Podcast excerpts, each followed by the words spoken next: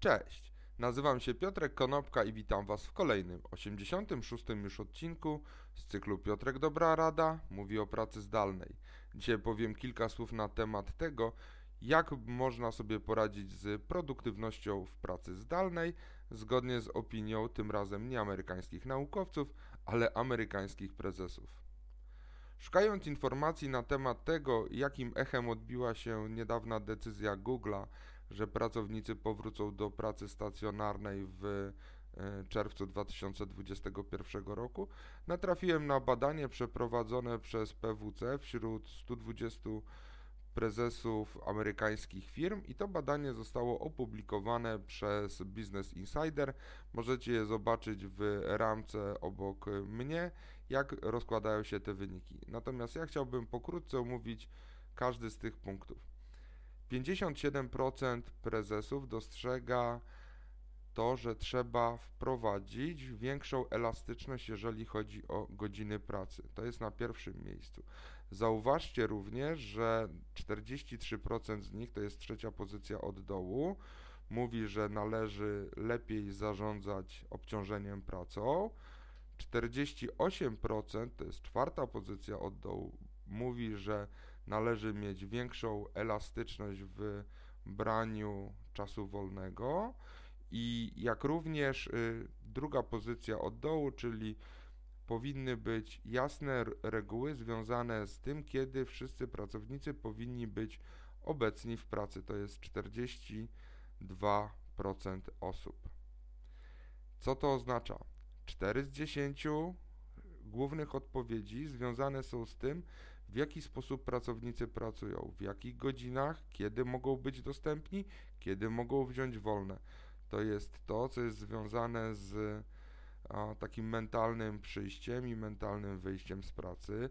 Jest to związane z regułami, które rodzina w domu musi sobie ułożyć, kiedy pracuje mama, kiedy pracuje tata i kiedy zajmują się dziećmi, jak również jest to związane z tym, że należy mieć pewnego rodzaju bufor, ponieważ praca zdalna, na przykład poprzez Zooma czy poprzez innego rodzaju komunikatory, o wiele bardziej męczy i wyczerpuje niż praca stacjonarna, dlatego należy mieć troszkę więcej luzu, jeżeli chodzi o pracowanie, tak żeby pracownicy nie wypalili się i żeby mogli pracować efektywnie nie tylko jednego dnia.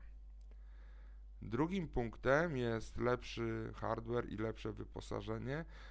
To 55% prezesów mówi o tym, że po prostu te biura, które dzisiaj każdy z nas posiada u siebie w domu, muszą zostać lepiej wyposażone, ponieważ ludzie poszli do pracy zdalnej nagle i wszyscy przyjmowali za pewnik, że to będzie stan tymczasowy. Jednak okazuje się, że ten stan tymczasowy może trwać o, o, wiele dłużej, w związku z tym trzeba tym pracownikom zapewnić lepsze narzędzia pracy.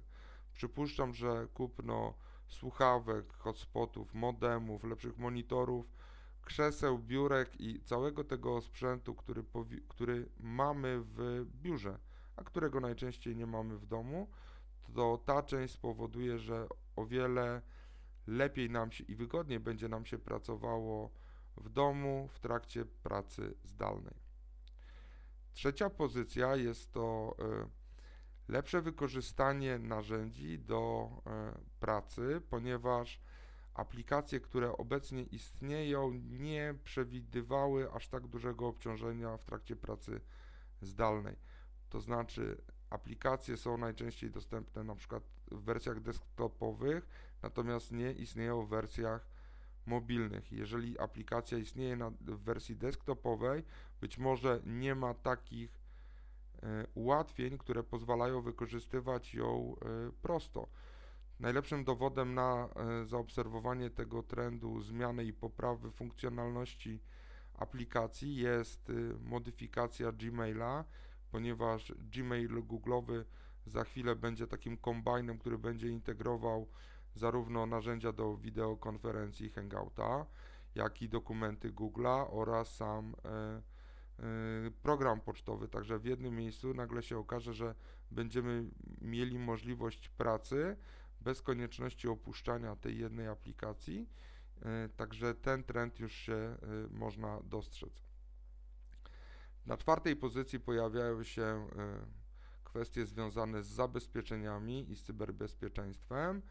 I na piątym miejscu to są relacje, ponieważ bez relacji ta praca zdalna powoduje, że człowiek czuje się osamotniony i mogą go dopaść różnego rodzaju nieprzyjemne e, emocje, mogą go spotkać nawet, mm, może go spotkać nawet depresja, ponieważ poczucie osamotnienia i brak budowania relacji powoduje przynajmniej na chwilę obecną takie bardzo mocne zaniepokojenie prowadzące nawet do depresji. Także na piątym miejscu zauważcie, że poprawa relacji jest mocno skorelowana według prezesów firm z tym, żeby ta wydajność pracowników pracujących zdalnie była wyższa.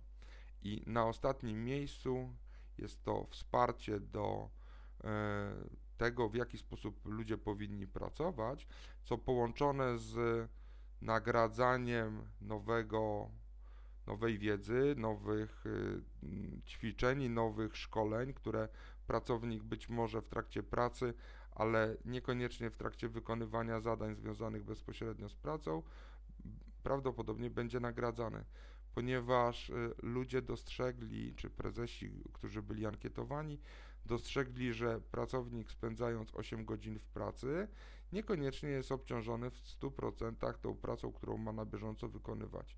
I dlatego oddanie pracownikowi wolnej ręki, jak ten czas, kiedy nie jest tą pracą obciążony, jak ten czas spędzi, czy poświęci go na przykład na dodatkowe szkolenia i podnoszenie swoich kwalifikacji, to prawdopodobnie to spowoduje także podniesienie bądź utrzymanie na odpowiednim poziomie produktywności, o którą właśnie prezesom chodzi.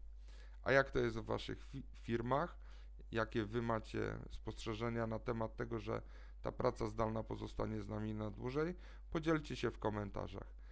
Dzięki serdeczne, do zobaczenia i usłyszenia jutro. Na razie.